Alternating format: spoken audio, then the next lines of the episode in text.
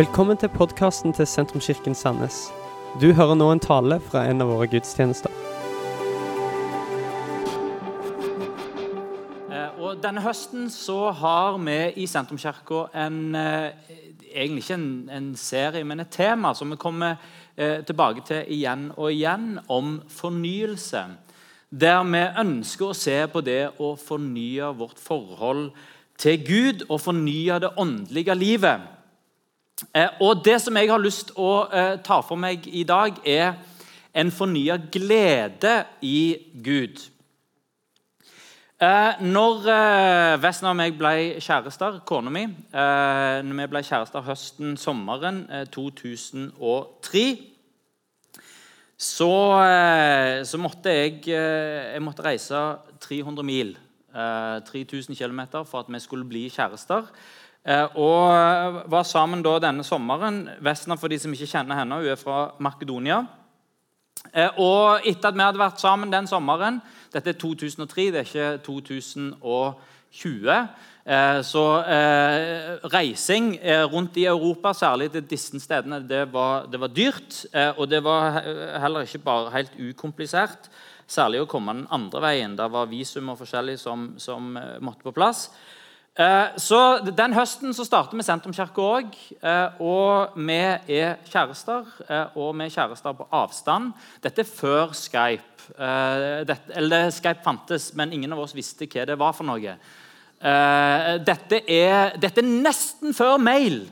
Altså, Vi hadde mail, men faktum er det at vi holdt kontakt gjennom brev. Vi skrev brev til hverandre. Eh, og eh, der var telefon, heldigvis, for, eh, da for 17 år siden. Eh, men det var usannsynlig dyrt. Det gikk ikke an å ringe gjennom Internett. Eh, vi måtte ringe med kontantkort. Eh, Et kontantkort eh, som eh, kunne brukes til å ringe til Makedonia, det husker jeg ennå. Kostet 100 kroner, og det varte alt fra 50 til 70 minutter, litt etter hvilken dag det var du ringte. Eh, og eh, fattige som jeg var på den tida, som vi begge var på den tida, det å ringe var en luksus som en ikke kunne gjøre hver dag. Eh, en måtte gjøre det flere ganger til uka. Og det er klart at det, det var umulig Når en først ringte, så var det umulig å holde en samtale på bare fem minutter. Det var ikke mulig å holde den til ti minutter heller. Eh, fort gikk det en halvtime, og det gikk gjerne en time. Og så visste en når den timen var ferdig, at det, oi, der forsvant 100 kroner. Og så går det tre dager til, så forsvinner 100 kroner til. Eh, hva gjør det med en når forholdet er sånn som det? Eh, noen mener, forskere mener å ha funnet ut at en forelskelse kan du få til å vare mye lenger hvis en bare, har, eh, hvis en bare holder avstand. Så eh, noen ting er bra med et avstandsforhold, fordi, eh, fordi en får ikke møtt så ofte til å liksom ta vekk eh, forelskelsen. Eh, så en lever på denne godfølelsen fra forrige gang. Eh, så begge kan, hver på sin plass, gå rundt og være veldig forelska. Og så bygges det jo opp en enorm forventning til eh, den samtalen. Og når en da først skal treffes Vår første treff som kjærester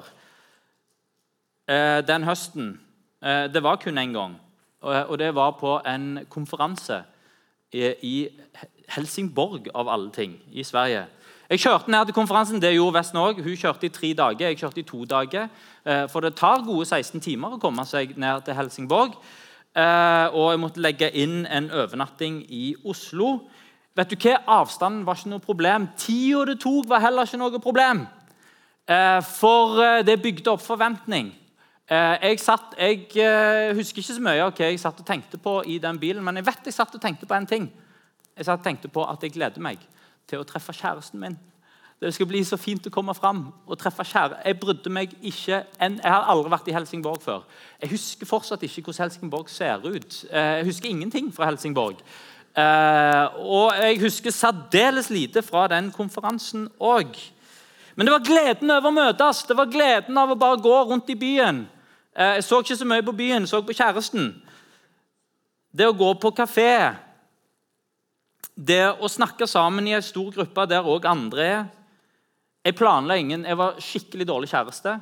Jeg planla ingen skikkelig date. Eh, jeg har et vagt minne om at vi var og spiste på en meksikansk restaurant. Spiste taco. Dårlig idé. Gleden var over å møtes og være sammen. Og Forventningen bygges opp gjennom forberedelsene. Og eh, Det er jo historier som sikkert eh, en del kan kjenne seg igjen i, i en eller annen form. Men så er det sånn at disse, denne delen av livet og disse tidene de går jo over. Eh, der er den som mener at en kan bygge et sånn livsvarig forhold på den følelsen som vi hadde når vi var sammen i Helsingborg Eh, og eh, glemte byen rundt og glemte konferansen og glemte alle andre ting. Eh, det er litt sånn, det er en, Der er noen som påstår at de har det sånn, og det kan hende de snakker sant. Men det er utopisk for de aller fleste, fordi livet fortsetter. Og hva skjer når forholdet da normaliseres? Hva skjer når en er sammen hver dag? Hva skjer nå 17 år etterpå. Og Det er kanskje typisk for uh, når en uh, når en er kjærester, en gifter seg, og så bygger en et forhold, så er det typisk å glede seg over de tingene som en gjør sammen, og de tingene som en får sammen. Eh, vi har barnevelsignelse i dag, og det er jo en av de tingene som virkelig er stort. Glede seg over å få barn sammen. Eh, og, det er jo, eh, er jo eh, og, og, og, det er en stor glede. Og så kan en glede seg over å kjøpe hus sammen. En kan glede seg over hjemmet som en, som en skaper seg, framtida som, eh, som en skaper seg. Forelskelsen har begrensa holdbarhet. Eh, og kjærlighet er mer enn romantisk kjærlighet. Kjærligheten den er evig.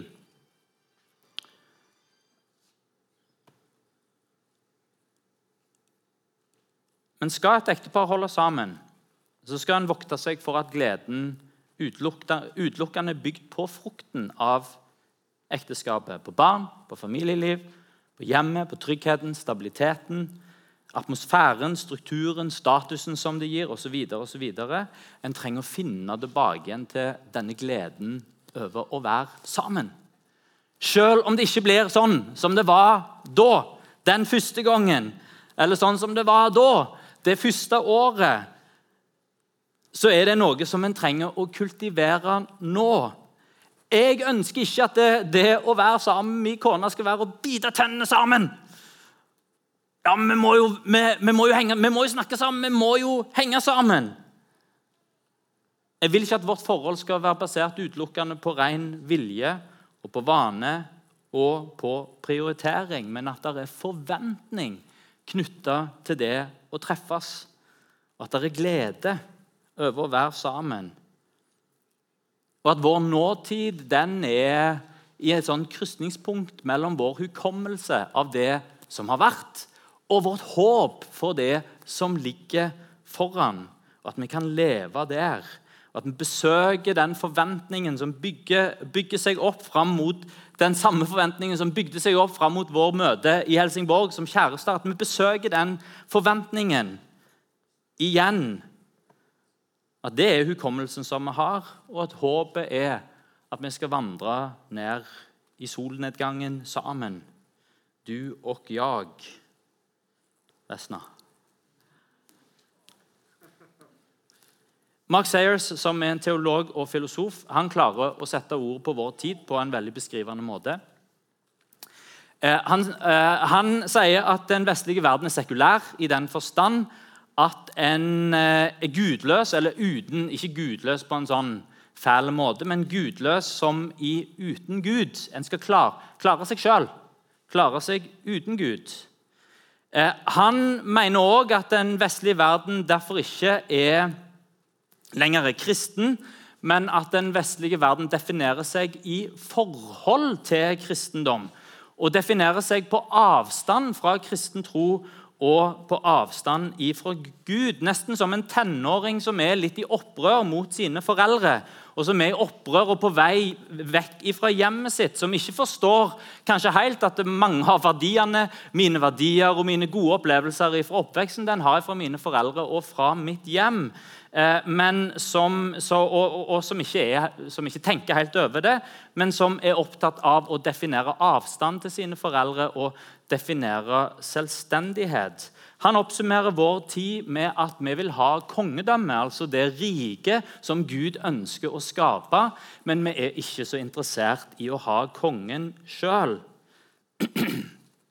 Den som er gift, står i fare for å nyte frukten av et godt ekteskap og glemme ektefellen sin. Vestlig sivilisasjon står i fare for å nyte eh, frukten av en gudfryktig kultur, men kanskje fjerne Gud vekk ifra kulturen. Og den som tror på Gud og Her er det som jeg har lyst til å invitere oss inn i denne søndagen. Den som tror på Gud, står også i fare for å glede seg over frukten av et gudfryktig liv.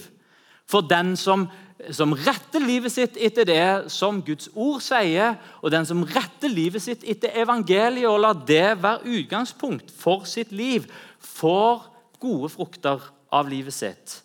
At en står i fare for å glede seg over det, men glemme Gud sjøl. Jeg vet ikke hvor du er hen i forhold til dette, men jeg kjenner mitt eget liv. Og jeg kjenner vår tid. Og det er veldig lett i vår tid å glemme av Gud. Det er veldig lett i vår tid å tenke på alle andre ting. Eh, fordi at vår kultur er så opptatt av å definere seg vekk ifra Gud. Jeg kjenner på det som pastor. En eh, tenker kanskje det, ja, men Du er pastor, så du går sikkert og tenker på Gud hele tida. Nei, av og til så må jeg virkelig streve for å tenke på Gud. Eh, fordi det er så mange andre ting som vil ta min oppmerksomhet hele tida. Og det er lett å leve livet sitt som om Gud ikke fins. Jeg vil invitere oss denne søndagen til å leve et liv og se kanskje, eller leve et liv kanskje mer om vi kan lete fram til et liv som leves i forventning til Gud. Og det er det som har med Gud å gjøre. Det bringer fram glede.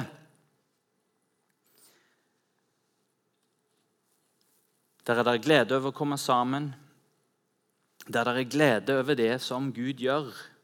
Der en kommer sammen full av forventning tenker når vi er samla, da er Gud her.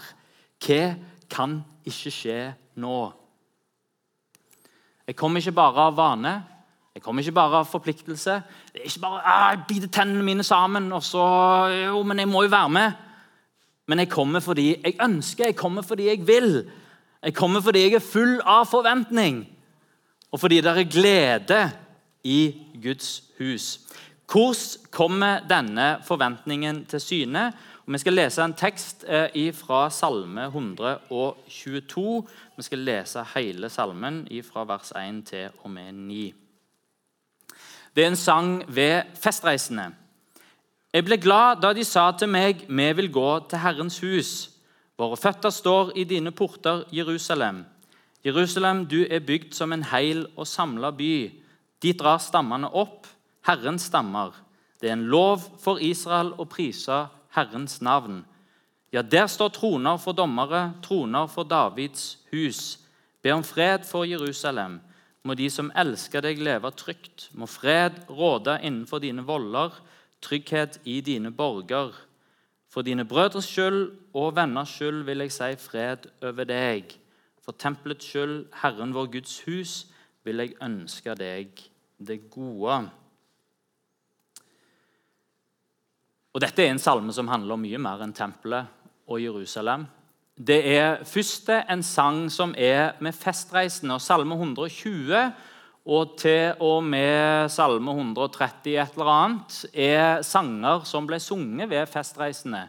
Eh, og Festreisende det var rett og slett når de eh, i Israel som bodde i diasporaen de som, eh, Ikke diasporaen, men de som bodde i distriktene. Det var de fra Rogaland. Eh, og kanskje fra, fra Vestlandet og, eh, og Nord-Norge, Sørlandet òg, som da noen ganger i året måtte trekke inn til hovedstaden fordi det var en stor festival. Eh, og Festivalen var til Guds ære. Så da Noen ganger i året så var det da forventa at den som bodde i Sandnes og den som bodde i Bergen osv., eh, drog inn til Oslo for å være med på, eh, på en, en, festival og for å komme der og tilbe. Sangene med festreisende er rett og slett de sangene som folk sang på vei til festivalen, på vei til Jerusalem, på vei til det som de skulle være med på. Og Dette er en sånn festreisesang. Og David han sier jeg ble glad når de sa til meg vi vil gå til Herrens hus. Det første som jeg har lyst å hente fram her og invitere oss til å gjøre, er forberedelser. Forventninger de kommer gjennom forberedelser. Og Disse forberedelsene som skjedde her, de var særdeles krevende. og de tok seg, eh, tidkrevende, og de tok seg tid til dem. Eh, og de ga den tida med glede. Eh, se, eh, for deg at en kommer fra nord i Israel, og en skal dra ned til Jerusalem på denne festreisa. En skal ned der for å tilbe. Da var det ikke tilgjengelig bil, det var heller ikke tilgjengelig sykkel. Det du måtte gjøre, du måtte gå. Eh, og Skulle du gå helt fra nord, så tok det alt mellom fire og kanskje fem dager. Eh, og eh, Det vil med andre ord si at du hadde fire-fem dager til å komme deg ned. Så var selve festivalen, som også tok noen dager, så var det fire-fem dager å komme seg tilbake. Hvis du var en vanlig bonde fra nord og du visste at nå begynner tida å nærme seg. Nå Jeg må ned til Jerusalem. Tre-fire dager. Eh, og som ikke det er nok, så må jeg bruke tre-fire dager hjem igjen òg. Eh, og ikke bare tida det tar, tenk på kostnaden. Jeg må overnatte langs veien, må finne hus i Jerusalem. Jerusalem har jo mista så mye av sin sjarm. Alle leilighetene er jo på Airbnb. autentisiteten i Jerusalem er ikke lenger det samme. Alt er bare penger. Det er proviant for meg og for følge. Koster en formue, tar han dyrebare tida mi. For ikke snakke om varmen. OK. Hvis jeg absolutt må Nå er vi jo en gang israelitter. Det er jo en del av vår kultur. OK, jeg får ta den turen. Jeg får dra ned der og besøke og tilbe med sammenbitte tenner. Vi tilber for det vi må, fordi det har vi gjort før. Det gjorde vi i fjor, det skal vi gjøre neste år. Det er en del av vår kultur. Men det er ikke det salmen uttrykker. Salmen uttrykker jeg ble glad når jeg hørte at vi skulle gå ned til Jerusalem. Jeg ble glad når, jeg tenkte, når de sa til meg la oss gå til Herrens hus. All denne forberedelsen ble brukt på en positiv måte. All denne tida ble brukt på en positiv måte. Den ble brukt til å skape forventning. Når jeg skulle dra ned til Helsingborg, og det tok meg to dager å kjøre, så var det ikke sånn at jeg tenkte så fælt det blir å sitte i den bilen. Men jeg visste skal jeg komme meg ned der, så skal jeg kjøre. Og Da får jeg ta den tida det trenger, og så får jeg bruke den tida til å bygge forventning til det som skal skje. De gikk den samme ruta år etter år. Og denne ruta og ritualene rundt bygde forventning og det vi har forventninger til, det gleder vi oss til. Sånn fungerer vi som mennesker. Det tar tid å bygge opp rundt det som skaper glede. Sånn er det med julen. Hvorfor er julen så vanvittig bra? Det er fordi han starter allerede nå i oktober. Vi har drukket julebrus i sommer. Det heter jo noe annet. Men eh, det, det, det, du, du, du begynner allerede nå.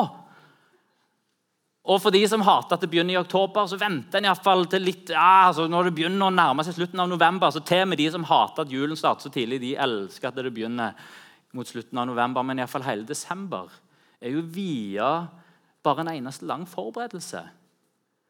Hvorfor er det sånn at det vokser opp i Norge for barn uansett hvor det skulle være, så elsker nesten alle Hvis det ikke er sånn at en har veldig dårlige erfaringer knytta til det. da, Men de fleste. For det er på skole og gjennom familie og, og, og En bygger forventning, forventning, forventning, forventning. Og så blir det så vanvittig bra.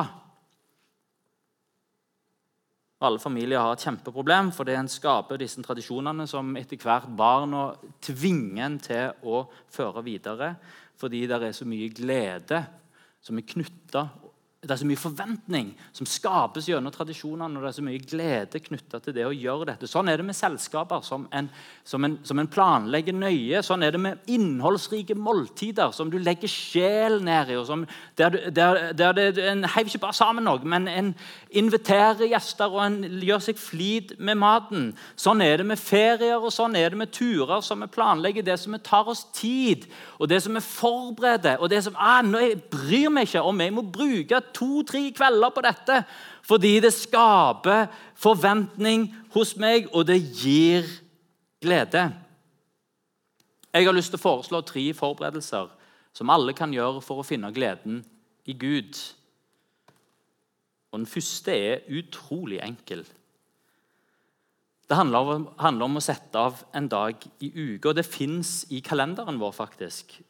Og det fins i skaperordningen. Det hjelper oss å forberede. Det hjelper oss å peke vår forventning fram mot Norge. Hviledagen. Eh, dessverre så er det sånn, iallfall var det sånn i min oppvekst, og mange av de som i fall er fra min alder og oppover, er kanskje oppvokst med at det å holde hviledagen hellig det er det knytta masse eh, lover og bud og regler til.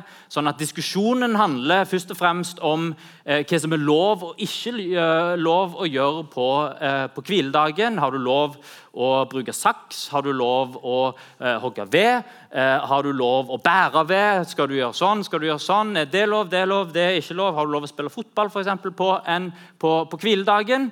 Eh, og så blir det masse bud og regler, og så har det vært behov for mange, kanskje de fleste, å ta et steg vekk fra det og si at jeg gidder ikke og orker ikke å forholde meg til alle de bud og regler om hva som er lov og ikke gjøre på en helligdag. Og så har vi glemt hele helligdagen. Jesus' tid var akkurat like. Det handla, Når han snakket om sabbaten, som jødene kaller det for, så var det snakk om hva som var lov, og hva som ikke var lov. Og Jesus han er eh, litt egentlig sånn som kanskje vår kultur har vært i forhold til dette. Han messa ting litt opp. Eh, og så gjorde han ting som ikke var helt lov å gjøre på sabbaten, bare for å irritere folk litt. Og så sier han noe veldig interessant når han får mye kritikk. Så sier han at eh, mennesket er ikke til for sabbaten for hviledagen, men hviledagen den er til for mennesket.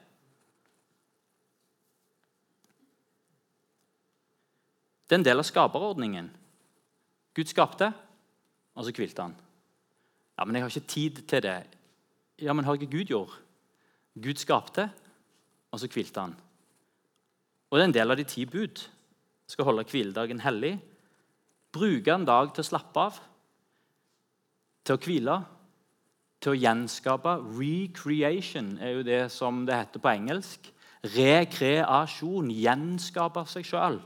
Når han har jobbet, når han har stått på, når han har hatt det travelt, så trenger en å få systemet at det bare slapper av, og at en har rekreasjon, gjenskapelse. Og at en hiver inn Gud inn i hviledagen. Den dagen så vil jeg, jeg vil ta med meg Gud inn i min hvile. Jeg vil tilbe. Jeg vil fokusere på han. Sette tid til å være med familie, venner og til å være med Gud. Og Det er ikke så viktig i dag, det. Paulus sier at noen holder den dagen for hellig, og andre holder den dagen for hellig. Det kan være lørdag, det kan være søndag. Det handler litt om hvordan, eh, hvordan ukene våre ser ut. Men å sette av en dag hvor alle ting er på hold, en dag for hvile, vennskap, familie, Gud og i hermetegn friluftsliv viktig. Det kommer forventning, og det kommer glede av forberedelsene til hviledag. Jeg leste statistikker fra USA på adventister. Syvendagsadventister de er veldig strikse på eh, dietten sin eh, og på hviledagen. Og de lever i snitt fem til ti år lenger. eh, enn resten av befolkningen i USA. Så holder du hviledagen hellig, så får du kanskje de dagene som du setter av, de får du igjen på slutten av livet. Men det er ikke det viktige. Det viktige er at det er en forberedelse for å møte Gud, og det gir glede. Disse forberedelsene handler om å tillate å skape rom i kalenderen til å være alene. Og Det handler ikke bare om hviledagen, men å skape rom i hverdagen. Leve livet sitt med den der lille marginen på sida. At det er rom i kalenderen vår der vi kan være sammen med Gud. Når jeg vokste opp på 90-tallet, var det mye snakk om det å ha en stille stund. Og det har han ikke snakket så mye om de siste kanskje 15-20 åra. Kanskje fordi det ble stress for mange. og Det òg ble en sånn ting som en måtte gjøre. Ja, hvis du er kristen, så må du, må du lese Bibelen din, og så må du be, og så må du gjøre sånn, og så må du gjøre sånn. Eh, og så har han snakket mindre om det fordi det ble stress for mange, og fordi mange har gjort det fordi en måtte. Men det å sette av tid i hverdagen til å være alene med Gud, det gir faktisk glede, det å ta tid i Bibelen, det å ta tid til å be og tømme hjertet sitt, åpne seg opp for Gud, gi Gud innsyn. Gud, sånn som dette har jeg det akkurat nå. Åpne hjertet for han, gi han hele deg. Det kan være før dagen begynner på morgenen. Det kan være midt på dagen etter en har kommet hjem fra jobb. Det kan være når dagen er ferdig, når en skal legge seg. Det kan være i bilen. En kan gjøre sin bil om til et kloster. Og En kan sånn ha jevnlige samtaler med Gud og skape et liv der en forventer å møte Han som har skapt oss. Det gir fornya glede. Disse forberedelsene det handler også om å rydde vekk digital og fysisk støy og være stille. Eh, vi lever i en tid hvor effektivitet er kjempeviktig, og det har gitt oss utrolig mange muligheter.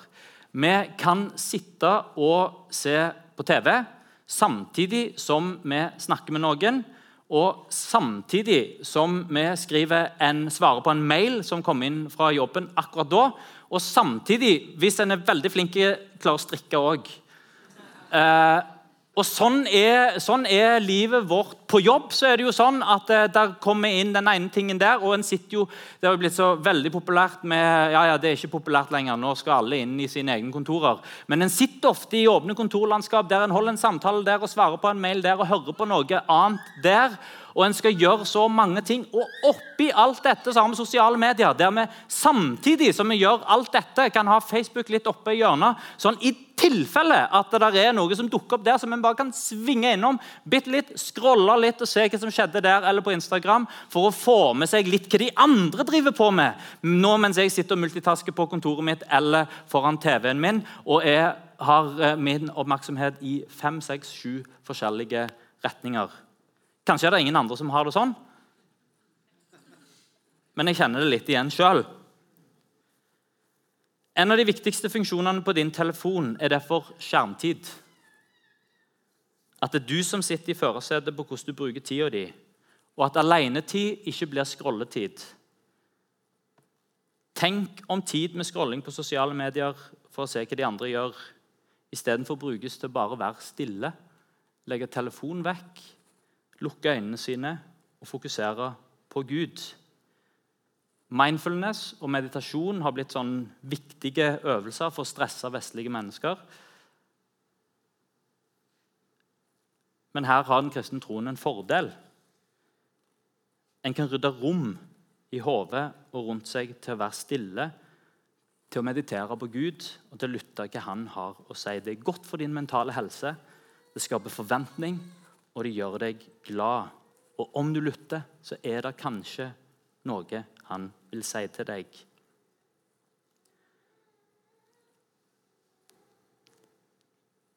De siste to tingene sier jeg bare i overskrifter, så kan bandet komme fram og gjøre seg klar. Forventningene de skapes i fellesskap. De gikk ikke alene til Jerusalem for å tilbe, de gikk sammen med noen. Et fellesskap bevegte seg sammen. Det er dette kirka handler om. Uansett hvor introverte vi er, så trenger vi å være sammen med andre. Og Forventningene til å møte Gud de skapes i et fellesskap med de andre. Det er gøy å være sammen med folk som er eh, veldig lidenskapelig opptatt av fotball. Eller ikke gøy. Det er litt etter hvor du er hen sjøl. Hvis du er litt interessert i fotball, og du er sammen med noen som er lidenskapelig interessert i fotball, så plutselig gleder du deg til lørdag. Fordi de har snakket med en sånn entusiasme om det som skal skje, og er med å bygge forventning. Jeg lurer på om vi i vår tid har tatt vekk litt samtalen om Gud og heller snakke om fotball. Fordi en ønsker å være normale, en ønsker å være eh, imøtekommende, en ønsker å være ikke raring. Jeg har iallfall ikke lyst til å være raring. Derfor syns jeg ofte det er greit å snakke om fotball og ikke snakke om Gud. Men jeg har lyst til å invitere samtalen om Gud tilbake igjen i fellesskapet. At en tar med Gud i samtalen. At en snakker om hva Gud har sagt til meg. Hva Gud har gjort for meg. At ber for hverandre. Vi skaper forventning hos hverandre. Det skjer i et fellesskap som snakker sammen om Gud. Og det siste, Forventningene de er knytta til et sted og til et tidspunkt. Denne Gruppa i Festreisende de bevegde seg i fellesskap, de gjorde sine forberedelser, det tok tid. Og de skulle til et sted. De skulle til Jerusalem. De skulle møte Gud i hans by. De skulle ikke bare møte Gud i hans by, men de skulle møte han i hans hus. Og Det er en kjærlighet som kommer fram i denne salmen. her. Så er det en kjærlighet til Jerusalem. Det er en kjærlighet til tempelet, til Guds hus.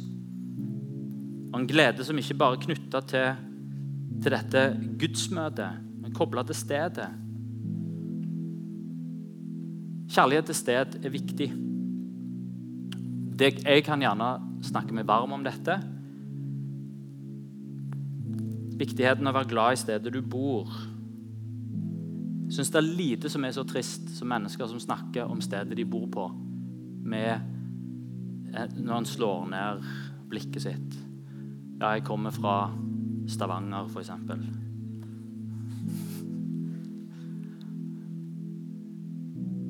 Løfte opp plassen en kommer fra. Snakket med noen besøkende før gudstjenesten begynte. og en, en, en, en, kan jo gjerne komme med unnskyldninger nesten før eh, Ja, det var jo fint vær i dag. Eh, det, ja, det er en fin reklame som går på eh, Jeg husker ikke hva reklamen er, for jeg bare husker at jeg elsker dette stedet. Nei, jeg hater dette stedet. Hater dette stedet! Elsker dette stedet. Og det er noe i blandingen av det der. Det er deler av stedet en bor på som en hater og ikke kan fordra. Men så elsker en jo dette stedet òg. Det er så viktig at vi finner fram til det som en elsker med stedet hvor en bor. Kjærlighet til steder. Finn det du elsker med hjemmet ditt, med bydelen din, med byen din. Og Snakk om det, fordi det skaper forventning til ditt liv. Og det skaper glede. Men kjærlighet til Jerusalem er mer enn som en sånn kjærlighet til Sandnes. Det er en kjærlighet til der Gud bor. Og Det var israelittene sin forståelse. De bygde tempelet. Tempelet er Guds hjem, Guds hus. Vi kommer der som Gud er. I nytestamentlig forståelse av hva Guds hus er, så er det veldig klart og tydelig at Gud bygger seg et hus av alle de som tror.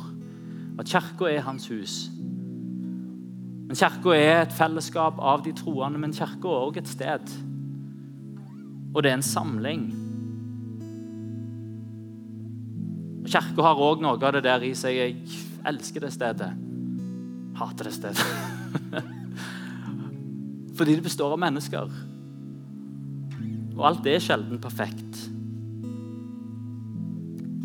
La oss finne fram til denne kjærligheten, til stedet og til samlingen. Jeg kan møte Gud i stillhet. Jeg kan møte Gud i tilbedelse hjemme. Men jeg møter også Gud sammen med alle de andre.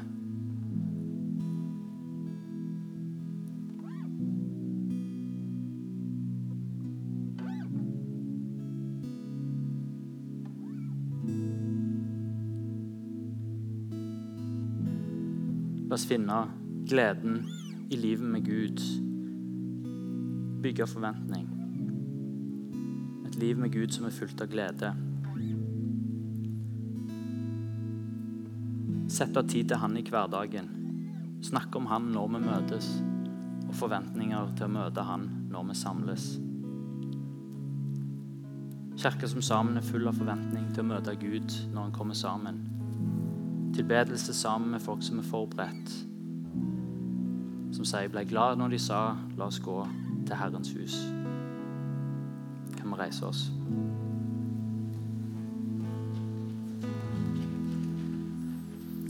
Å finne gleden i Gud er noe som vi kan gjøre uansett hvor vi er hen i livet.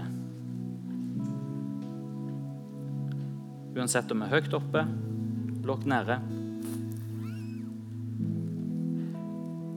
David han skriver Salme 51 når han er lengst nede. Han skriver i Salme 51, vers 11-14.: Skjul ditt ansikt, Gud, for mine synder. Utslett, utslett all min skyld. Gud, skap i meg et rent hjerte. Gi meg en ny og stødig ånd. Driv meg ikke vekk ifra ditt ansikt. Ta ikke fra meg din hellige ånd. Gi meg igjen gleden over din frelse. Hold meg oppe med en billig ånd. Uansett hvor vi er hen, så kan vi rekke oss ut til Gud og si, Gud, gi meg igjen gleden over din frelse. Invitasjonen min i dag er at vi kan gjøre akkurat det. Kanskje betyr det at en trenger å rydde litt plass i sin kalender for forberedelser som skaper forventning. Det er det Johannes døperen sier før Jesus kommer. Han sier 'rydd en vei for Herren'. Snu om på prioriteringene i livet. Ikke ut ifra et sånn lovisk rammeverk av at 'dette må jeg gjøre', og 'det må jeg gjøre', og 'det må jeg ikke gjøre', men ut ifra en forventning. Jeg vil rydde plass for å møte Gud. Kan vi lukke øynene våre der som vi står, så gir vi hverandre et personlig øyeblikk? Så har jeg lyst til å bare be en enkel bønn for, for oss. Takk, Herre Jesus, at du er her. Takk at vi kan få lov til å møte deg i dag, og vi kan få lov til å møte deg her. Takk at du taler til hjertene våre, snakker til hjertene våre. Og du gjør det akkurat nå. Jeg ber om at du fornyer gleden i frelsen, Herre. Gleden i deg. Hjelp oss, Herre, til å leve liv i forberedelse og forventning på å møte deg. Ber for uker som ligger foran oss, Herre. Ber om hjelp, Herre, til å rydde plass. Finne tid til å være sammen med deg, Herre. Takk at du møter oss der som vi er. Herre Jesus, jeg ber for familier, jeg ber for ekteskap, Herre. Ber Herre Jesus om at du hjelper oss til å finne igjen gleden i forholdet, Herre, gleden i familielivet.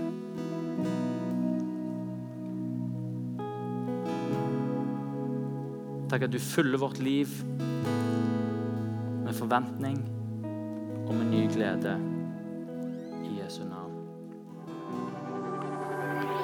Dette var slutten på denne talen. Håper du har blitt inspirert.